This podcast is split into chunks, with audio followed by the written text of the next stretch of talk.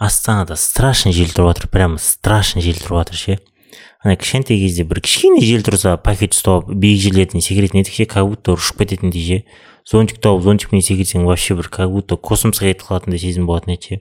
Уже секіресің секірген кезде ұшпайсың да опай деп просто жерге қарай секіресің. И типа ұшып кеткен сияқты боласың да кішкене болсын ауада бүйтіп ше қалқып қалған сияқты боласың да. И көрдің ба көрдің ба көрдің ба дейсің да ше.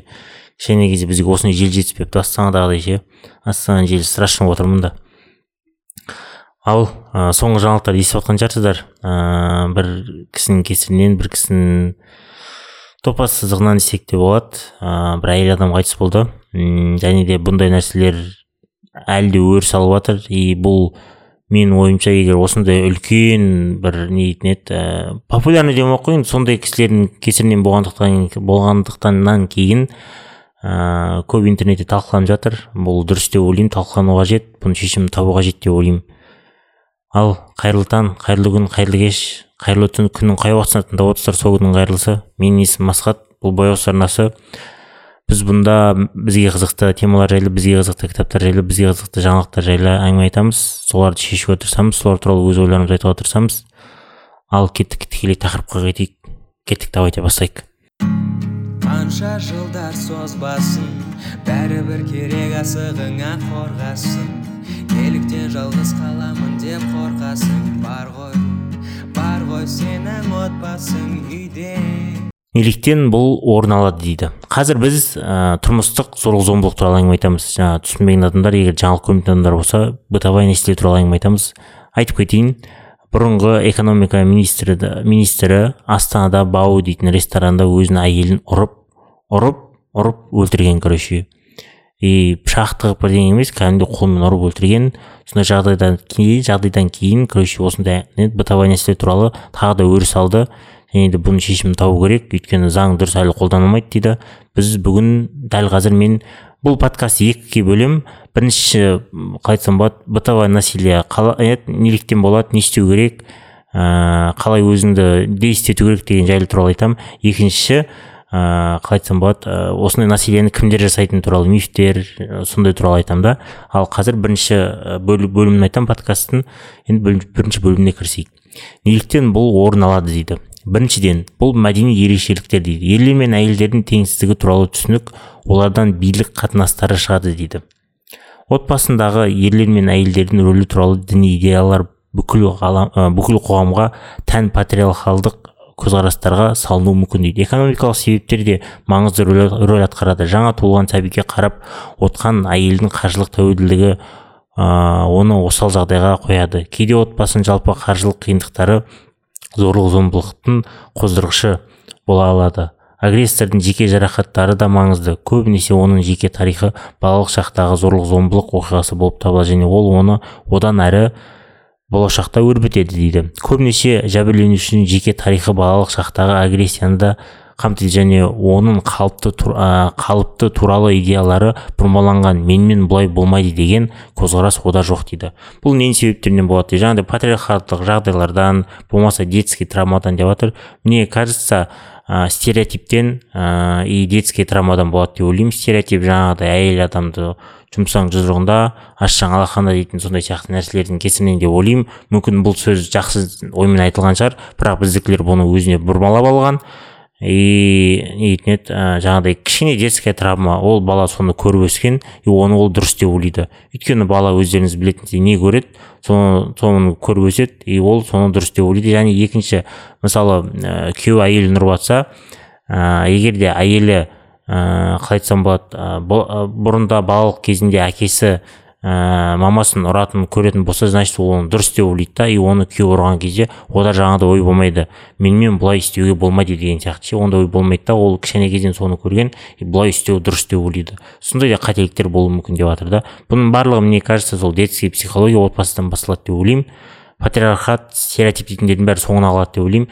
Негізі отбасыдан басталады осының бәрі отбасыдан басталады деп ойлаймын. Сондықтан да отбасы құратын кезде дұрыстап әдемілеп ойланып толғанып не дейтін еді өзімізді емдеп психологқа барып сөйтіп отбасы құрайықшы. Екінші екінші зорлық зомбылық ә, құрылымы дейді. Зорлық зомбылықтың ішкі құрылымдары агрессия мен зорлық зомбылық стресстік жағдайға бейімделудің биологиялық механизмдерінің бірі болып табылады. Және егер адамда зорлық зомбылыққа жол берілмейді деген сенім болмаса онда бұл сценарийді өзгерту қиын немесе мүмкін емес дейді. Жүйелік яғни қайталанатын зорлық зомбылық жағдайы агрессордың бұл әрекетті орындау құқығына сенімді екенін көрсетеді дейді. Зардап шеккен ә, тарап зорлық зомбылық авторының шешіміне әсер ете алмайды. Ол тек өзінің қауіпсіз жағдайынан жағдайдан шығуға күш сала алады дейді. Агрессордың өзі ғана сенімдерін өзгерте алады психотерапия арқылы. Өкінішке орай агрессорлар өз еркімен көмек сұрайтын жағдайлар сирек кездеседі. Жәбірленуші үшін ең тиімді стратегия өзіңізді құтқару дейді. Зорлық зомбылықтың құрылымын айтып жатыр мысалы. Ыыы вообще адамды өзгерту невозможно деп жатыр адамды өзгерту невозможно деп жатыр егер де бұл сол қайталана беретін болса қайталана беретін болса жүйелі түрде қайталанатын болса сол зорлық зомбылықты көрсетіп жатқан насилиені көрсетіп жатқан адам менің тірліктерім дұрыс деген ойға келеді деп жатыр да. И сен ол жерде дым істей алмайсың дейді. Ол үшін бірінші адам өзі мойындау керек. И ә, сенімен емес психотерапевт психотерапевтпен жұмыс жасау керек деп жатыр ал сенің максимум істей алатын нәрсең істей алатын затың просто өзіңді сақтап қалып кетіп қалу деп жатыр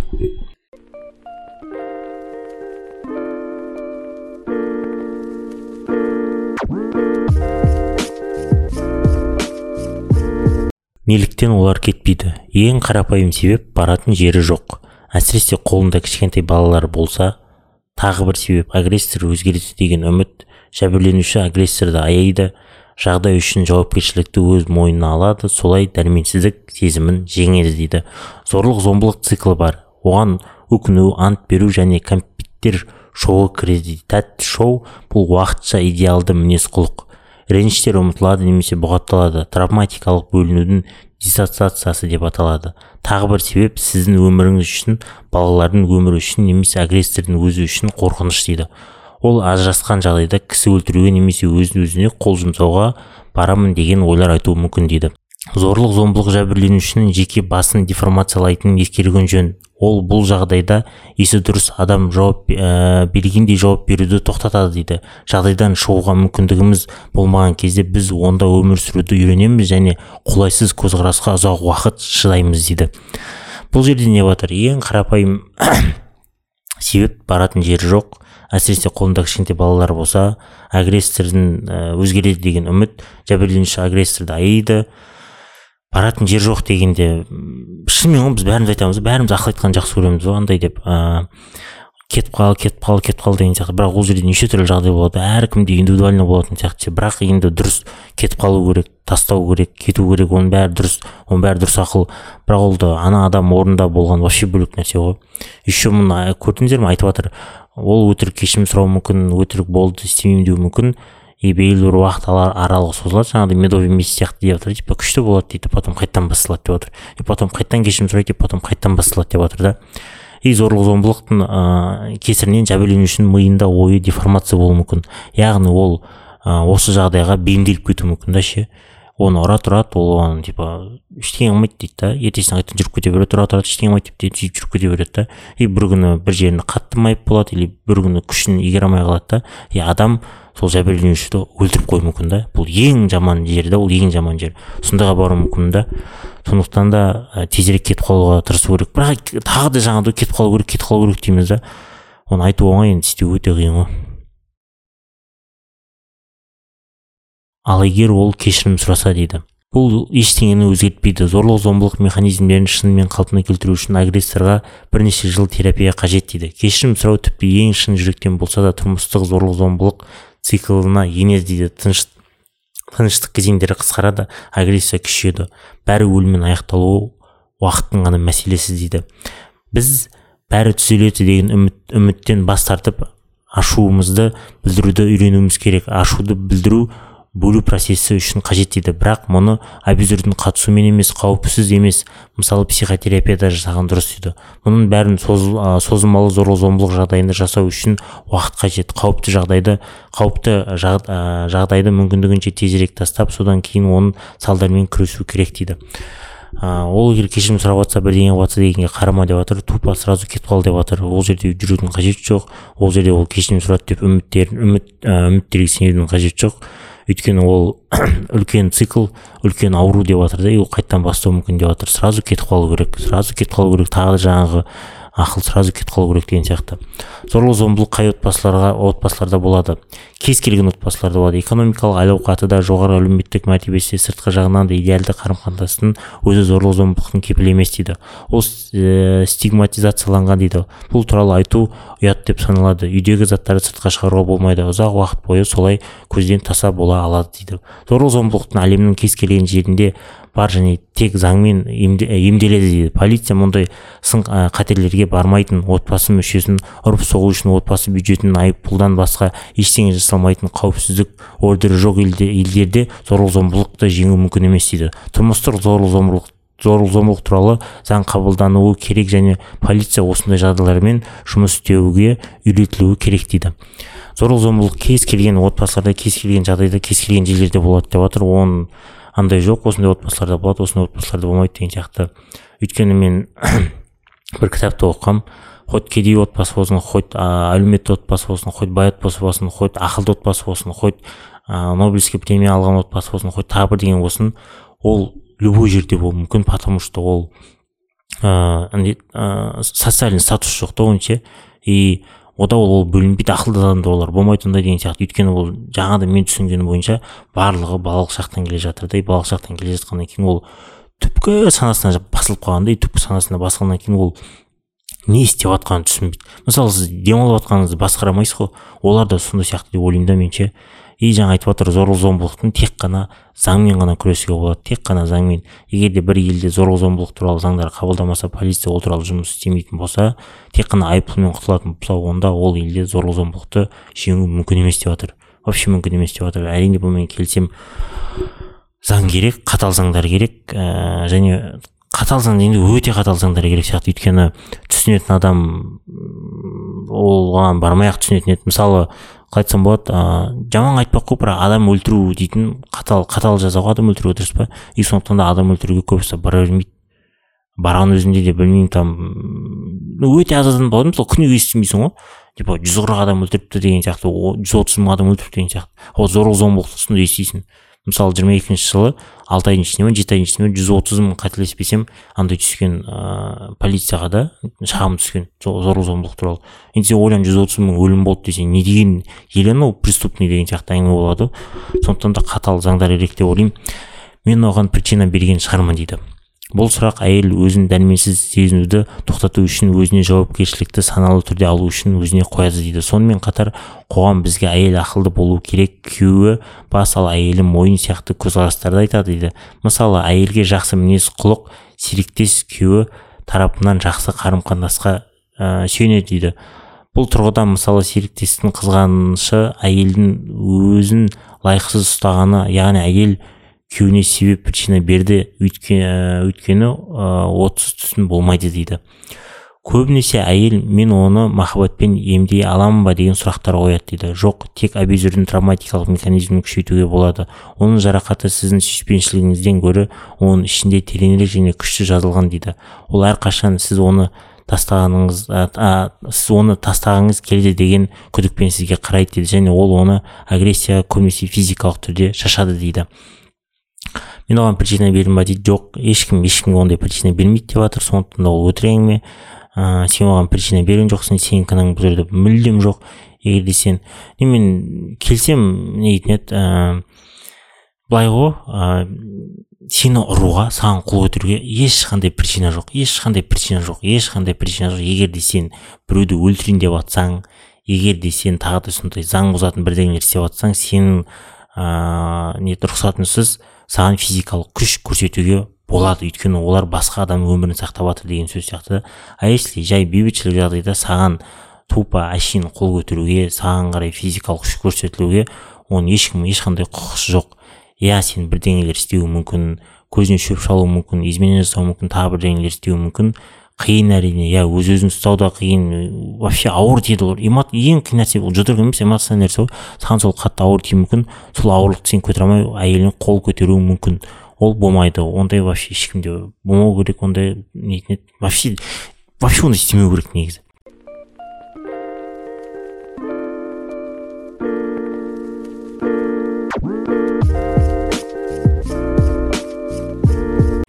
Келесі терапия немесе ажырасу дейді. Егер зорлық зомбылық алғашқы рет орын алса ол ол кінәні мойындайды толық жауапкершілікті өз мойнына алады және өзгергісі келеді. Содан кейін ғана терапияға үміт бар дейді. Барлық басқа жағдайларда кету керек. Содан кейін ғана терапия тек бөлек тұрғанда ғана мүмкін болады. Ұзақ уақыт өткеннен кейін сіз қосыла аласыз бірақ мұндай мүмкіндік күткен нәрседен гөрі ғажайып ретінде қарастырған жөн дейді. Қайта қосылуға тырысуға бола, болатынын қалай түсінуге болады? Егер де бірлескен терапия барысында зорлық зомбылықтың қандай түрлері қолданылатынын белгілі болса егер абьюзер олар үшін жауапкершілікті серіктеске жүктемесе егер қарым қатынастың жаңа тәсілдерін пысықталса сіз қайтадан бірге өмір сүруге тырысуға ә, сіз, сіздерге қайтадан бірге өмір сүруге тырысуға болады дейді. Бірақ рецидив яғни қайталанудың алғашқы белгілері пайда болған кезде сол мезетте кетіп қалыңыз дейді. Терапия немесе ажырасу бұл жерде только ажырасу деп жатыр өйткені он жүз пайыздың тоқсан тоғызында ажырасып кеткен дұрыс бір ақ пайызын ғана адамдар емделеді деп жатыр и то емделу үшін абьюзер сені ұрған адам саған қол көтерген адам өзі қателігін мойындау керек. Өзі терапияға барамыз деу керек өзі емделеміз деу керек өзінің қателігін мойындап мен осыларды қолдандым менікі дұрыс емес деп соның бәрін мойындау керек деп жатыр содан кейін ғана емделуге болады деп жатыр абылай ол вообще емделуге болмайды. Егер де адам өзінің кінәсін мойындамаса егер де адам оған жауапкершілік алмаса яғни бұл бұл жерде терапия дейтін сөзді вообще ойға алмау керек сразу кету керек ажырасу керек кетіп қалу керек кетіп қалу керек. Егер де тағы да мысалы терапия болған өзінде де терапия болып екеуіңіз жақсы өмір сүріп жатсаңыздар если тағы да сондай бір нәрселердің белгілері пайда болып жатса ол кезде сразу кетіп қалу керек. Бұл уже екінші шанс берудің қажеті жоқ. Бұл жалғаса береді жалғаса береді жалғаса береді. Қашуға қалай дайындалу керек дейді. Негізгі ереже қашуға рұқсат сұрауға болмайды дейді. Қашып бара жатқан кезіңде бірінші рұқсат сұрамай ешкім ештеңе айтпа дейді. Жәбірленуші қарым қатынастың шығуды ә, шешкен жағдайда көбінесе ол үшін ең қауіпті кезең дейді. Егер де сіз кетемін деп шешетін болсаңыз ең қауіпті кезең енді басталды. Енді енді қауіпті кезең енді басталды. Сондай ақ туыстарыңыздан рұқсат күтпеңіз дейді. Туыстарыңыздан рұқсат сұрамаңыздар. Олар жиі сізге айтатын әңгімелер. Өзің осы күйеуді таңдадың сенің жасыңда сен кімге керексің балалармен қайда барасың? Бұл біздің проблемамыз емес деген сияқты әңгімелер айтуы мүмкін. Қолданушыларды табу керек дейді. Қолдаушыларды қолданушылар қолдаушыларды табу керек. Сізді қолдайтын ыыы сізге нетін еді? Андай мотивация беретін сіздің қасыңыздан табылатын сізге күш беретін адамдарды табу керек. Егер де ондай адамдар, адамдар табылмаса белгілі бір ұйымдар арнайы ұйымдар бар. Құжаттарыңызды жинаңыз. Мүмкіндік болса бірнеше уақытқа дейін жететін ақша алыңыз дейді. Ә, қайда бара қайда бару керектігін табыңыз. Балаларыңыз болған жағдайда балалар балалар балалармен бірге жататын аналарды қабылдайтын жерлер болады. Болмаса досыңыздың үйіне барыңыз дейді. Абьюзер үйде болмаған кезде кетіп қалған жөн дейді. Оны ештеңе білмейтіндей етіп кетіп қалыңыз. Ә, және де абьюзер танитын сіз танитын ортақ достарыңызға сіз қайда екеніңізді айтпаңыз. Мүлдем ол туралы ә, сөз қозғамаңыз дейді. Ол сіздің қайда жүргеніңізді білмеу керек дейді. Егер де дәл қазір ұрып жатса не істеу қажет? Егер де дәл қазір сізді ұрып жатса үй жайдан кетуге тырысудың барлық әрекеттерін тәсілдерін жасаңыз дейді. Айқайлау көршілердің назарын аударуға тырысу. Егер мүмкін болса полицияға қоңырау шалу. Егер диктофон қолыңызда болса диктофонды қосып дауыс басу дейді дауыс қосу дейді. Бірақ жағдайда жағдайды бұған дейін жету, жетуін күтпеу қажет. Ондайға жеткізбеу керек дейді. Егер бұл орын алуы мүмкін деп ойласаңыз қазір кетіп қалыңыз дейді. Зорлық зомбылықтың тірі шығуы әрдайым мүмкін емес дейді. Тіпті агрессордың ә, сізді өлтіруге деген ниеті болмаған жағдайда да күшті есептемеу есеп, есептемеуі мүмкін. Өзіңіздің сақтап қалудың екінші мүмкіндігі болмауы мүмкін дейді. Егер де ыыы айтып отыр бұл сіздерге не дейтін еді? Сізді ұрғанға дейін сізге зорлық зомбылық көрсеткенге дейін кетіп қалу керек деп. Егер де сондай белгілер болатын болса егер де сізге зорлық зомбылық көрсететіндей сіз ә, қорқатын болсаңыз өзіңізді қау, ә, қауіпті сезінетін өзіңізге деген қауіп сезінетін болсаңыз онда оны күтпей сізге қол көтеруін күтпей тағы бірдеңелерді күтпей кетіп қалған жөн деп жатыр өйткені жаңағыдай ол өз күшін есептемеуі мүмкін болмаса ә, не дейтін еді? Сізді ыыы бір әлсіз жеріңізден ұрып сізді өлтіріп қоюы мүмкін. И сондықтан да екінші рет кетіп қалу деген мүмкіндік болмай қалуы мүмкін. Сіздің өміріңізді бір ақ рет бір ақ рет өмір сүресіз сондықтан да ондай ә, рисктарға бармай қойыңыздар деп айтып жатыр. Қайтадан артқа қайтпау амалдары дейді. Психотерапи, ә, психотерапевт қажет дейді. Дағдарыс орталықтарында ақысыз немесе арзан көмек нұсқалары бар дейді. Тұрмыстық зорлық зомбылық құрбан ә, құрбандарын қолдау тобы мүмкін дәрі дәрмектерді қолдау дейді. Антидепрессанттар. Сондай ақ ыыы кітаптар бар дейді. Ланди банкрафтан почему он это делает? Тани танктың бойся я с тобой дейтін кітаптары бар. Осындай кітаптар оқысаңыз болады дейді. Жалпы қайтадан қайтпаудың негізгі ә, тәсілдері психотерапевтке барып жүгіну ыыы болмаса белгілі бір ұйымдарға барып жүгіну антидепрессанттарды қабылдау үй оларды дәрігердің қарауымен қабылдау кітаптар оқу ыыы сізді тыныштандыратын сізді ол туралы ойламайтын жағдайлар не ыыы нұсқаларды жасау деп жатыр жалпы әрбір жерде нұсқалар бар. Егер де сіз сізді қолдайтын ұйымдар бар өзі сондай бытовой нәрселерде өткен әйелдерді қолдайтын бытовой нәрселерде өткен адамдардың қасынан табылатын сол жерлерге барсаңыздар сіздерге толық нұсқалар бар. Сол толық нұсқаларды сіздерге көрсетеді. Сол нұсқалармен жүрсеңіздер қайтадан артқа қайтпайсыздар. Мұның қауіпті екенін қалай түсінуге болады дейді. Күнтізбені календарды алып зорлық зомбылық ә, кестесін жазыңыз. Оның қайталануын және өршуі ә, өршуін көріңіз. Ол әрдайым экспанты бойынша жүреді. Тіпті келесі оқиғаның болжамды күнін болжауға болады. Жәбірленушінің екі жағдайы бар дейді. Оны ұрған кезде ол өзін нашар сезінеді бірақ бірнеше күннен кейін ми санадан қауіпті шығарады. Сондықтан жәбірленушіге қауіптілік дәрежесін бағалау өте қиын. Жазу және қайта оқу керек деп кеңес береді психолог татьяна орлова дейді. Ә, күнтізбе календарьға енгізіңіз деп жатыр мені мына күні ұрды мені мына күні ұрды мені мына күні ұрды деп ше. И ол экспант түрде өседі деп жатыр. Ол төмен өспей өседі деп жатыр да. И сол календарьды сіз қайталап оқи беретін болсаңыз оқи беретін болсаңыз сіз тіпті кейбір жағдайларда сізді бүгін ол ұрады ұрмайды дейтін мындай қалай айтсам болады. Ана экстрасенс болуыңыз мүмкін деп жатыр. Сондайды сіз андай қылуыңыз мүмкін ну ә, білуіңіз мүмкін деп жатыр да. И обычно көп зорлық зомбылық көрген адамдардың милары ондай нәрсені қабылдамайды дейді да сыртқа шығара жібереді дейді да. Сондықтан да адам трезво ойламайды деп жатыр. Сондықтан да что сізге зорлық зомбылық көрсететін сіз осындай жаман жағдайда өмір сүріп жатқаныңызды көру үшін күнтізбе құрыңыз деп жатыр. Әр ұрған сайын сізді андай нетін еді? Оқыған сайын может сізге осознание келетін шығар. Мені былай да он рет ұрыпты мені былай да он бес ұрыпты деген сияқты. Соның бәрін оқығаннан кейін сіз қорқып көзіңіз ашылуы мүмкін деген оймен айтқан шығар. Егер сіз өзіңізді агрессор деп санасаңыз дейді. Кирилл федоров психолог адам құқықтары психологиясы қозғалысының негізін қалаушы. Егер сіз жақындарыңызға қандай да бір зорлық зомбылық көрсетіп жатқаныңызды түсінсеңіз көмек сұрауыңыз керек. Кез келген психолог немесе психотерапевт бұл мінез құлықтың себептерін түсінуге көмектеседі.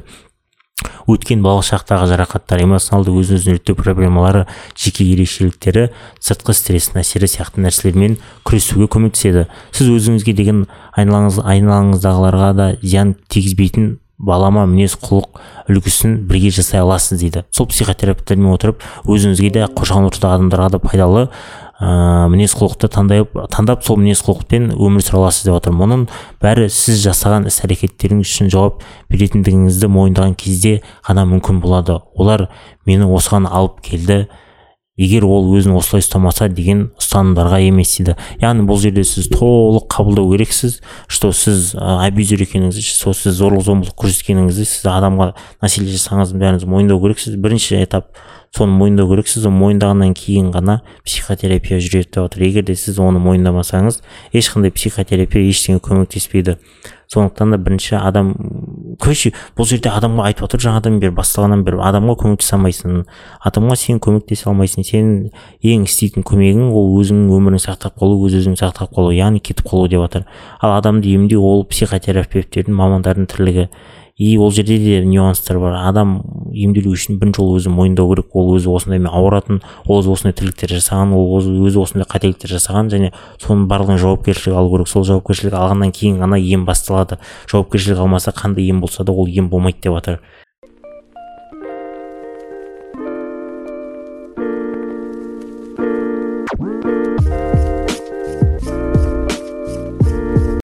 негізі негізі қиын қазақстанда бара бара ондай өсіп бара жатыр өсіп бара жатыр мен түсінбеймін қалай ғана әйел адамға қол көтеруге болады. Қалай ғана білмеймін ер адамдарды қалай отбасында тәрбиелейтін. Біздің отбасыда ондайға өте қатты әкем өте қатты тәрбиелеген бізді әйел адамдарға қыз адамдарға қол көтерме деп.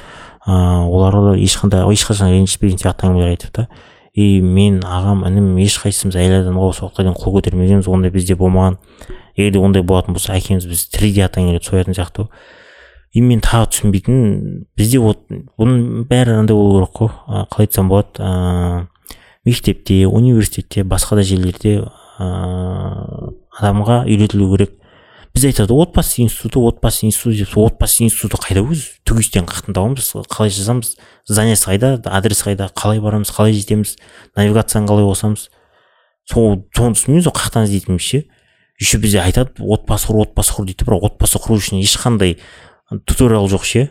Қалай құру керек не істеу керек деген сияқты. Загске барасың загсте де барлығы қуанышты бәрі күшті бәрі адреналинде бәрі қуанышта ше? Бүгін біздің отбасы дейтін кемеміз өмір дейтін теңізбен жүзейін деп жатыр деген сияқты. Ертегілер айтып бірдеңелер айтып өңшін эйфориямен кетесің да ше?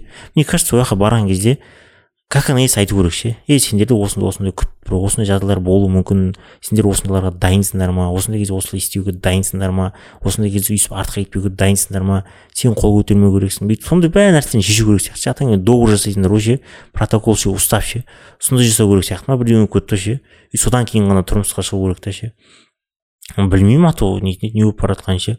Не агрессияда бұрында да болған ше. Ол по любому болады енді. Кішкене кіші кіші бірақ енді қол көтермеу керек та бірақ жаңағыдай ұрыс керіс болып тұрады ол ше. Мне кажется ә, бұрындары да болған ондай не еді біздің ата бабаларымыз кезде де ондай болған да. Мүмкін қол көтергендер де болған шығар бірақ өте аз болған деп ойлаймын. Бірақ ол кезде ондай әңгіме жүрмеген ғой типа жаңағыдай адамды сауаттандыру адамдардың көзіне көрсету деген сияқты ше оны оқыту деген сияқты. Бірақ олар как то білмеймін оның дұрыс емес екенін біліп андай қылды ғой өздері как бы үйреніп өздері дұрыс жолға түсті дегендей ғой или оларда ар ұят ұят ыыы намыс дейтін нәрсе жоғары болды ма деп ойлаймын да ше. Чем біздікіне қарағанда? Біздікілердің барлығының қазір намыстары китайский ма бірдеңе ғой ше? Ар ұят дейтіндері китайский ма? Бірдеңе болса сразу қызға жұдырықпен жүгіреді. Сөйлесіп сөйлесу керек қой сөйлесу керек қой. Андай бір сөз оқығанмын что ә, насилие қай отбасыда болады насилие сөйлеспейтін отбасыда болады деп. Сондықтан да әйеліңмен күйеуіңмен сөйлесу керек бәрін сөзбен шешу керек. Егер де сөйлеу сөйлесу тыңдау аз болатын болса отбасыда онда насилие болуы көп дейді да. Еще ыыы андайлар бар ғой жігіт қыз болып жүрген кезде белгілі бір ред флагтар красный флагтар болады соларды бақылай білу керек. И сол кезден бастап көре білу керек та что бұл адам қандай екен деген сияқты болашақта қандай күйеу болатын болашақта қандай әке болатын.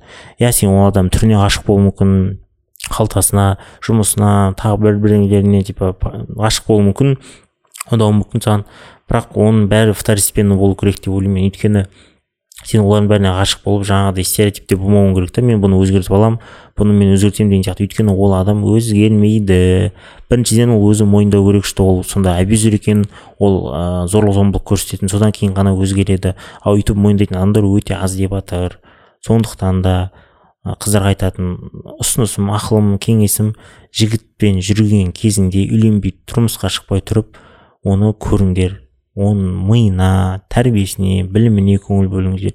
Кейінірек жаңағыдай жағдайына тағы басқаларына қарай беріңіздер.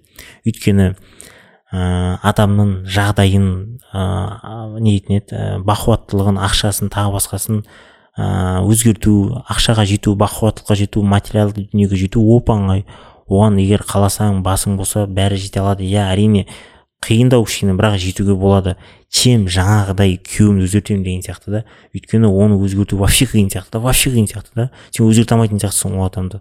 Сондықтан да шығатын кезде тәрбиелі инабатты жақсы ақылды мейірімді жауапкершілігі бар жігітке тұрмысқа шығыңыздар егер де сондай жігітке тұрмысқа шықсаңыздар өздеріңіз ішіңізде бақытты боласыздар да.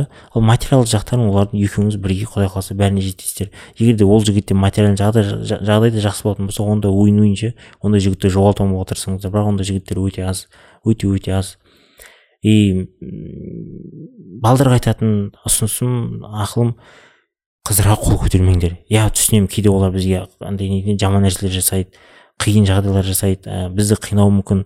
Ең қиын қиналу ең қиын ауыр тиетін нәрсе ол ер, ер адамдар ер адамдар үшін жұдырық емес ол. Ол удар емес ол эмоциональды психологиялық андай ғой. Сөздер эмоциональды жағдайлар сондайлар ғой. Иә қыздар ол жерде ондай нәрседен мастер мен білемін өйткені қыздар солай бізге ә, бізді қинауы мүмкін да. Иә түсінемін қиын ішің ауырады жаның ауырады бірақ амал жоқ енді. Ұруға болмайды қол көтеруге болмайды ол запрет. Ондай болмайды.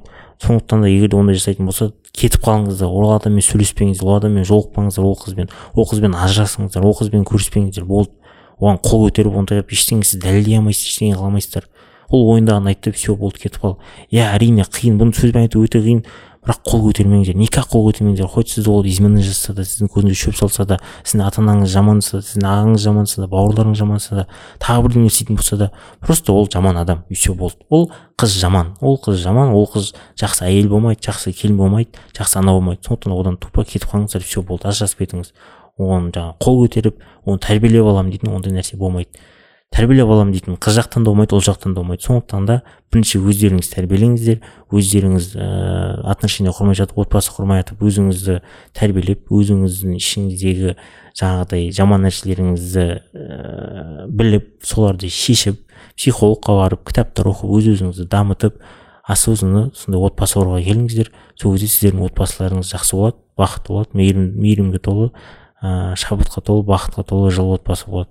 Сондықтан да ляқпай атаң келеді ыыы басқа бірдеңелерді көре бермей басқа біреулерден андай қыла бермей тек қана ыыы не дейтін еді жақсы источниктардан андай алып қалай айтсам болады информация алып сол информацияны өздеріңізде жақсы қолданып өзіңізді психологиялық эмоционалды рухани емдеп содан кейін ғана тұрмыс құрыңыздаршы. Сол кезде сіздің тұрмыстарыңыз барлықтары жақсы болады.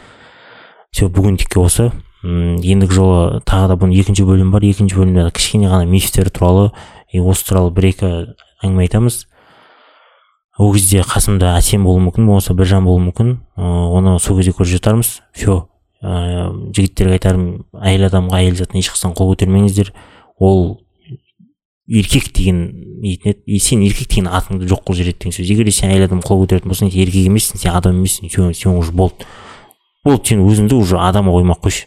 Болды сен қандай күшті болсаң да қандай мықты болсаң да сен уже последний лохсың чертсың сондықтан да қол көтерме. Ыыы всегда еркексің ба еркектік намысыңды еркектік жауапкершілігіңді ұстап ыыы еркек сияқты өмірің соңына дейін болуға тырыс өзіңнің принциптеріңді өзің өзіңнің ұстанымдарыңды жойма өз ұстанымдарыңды ұстап жүруге тырыс. Все давайте сау болыңыздар. Келесі кездескенше давайте.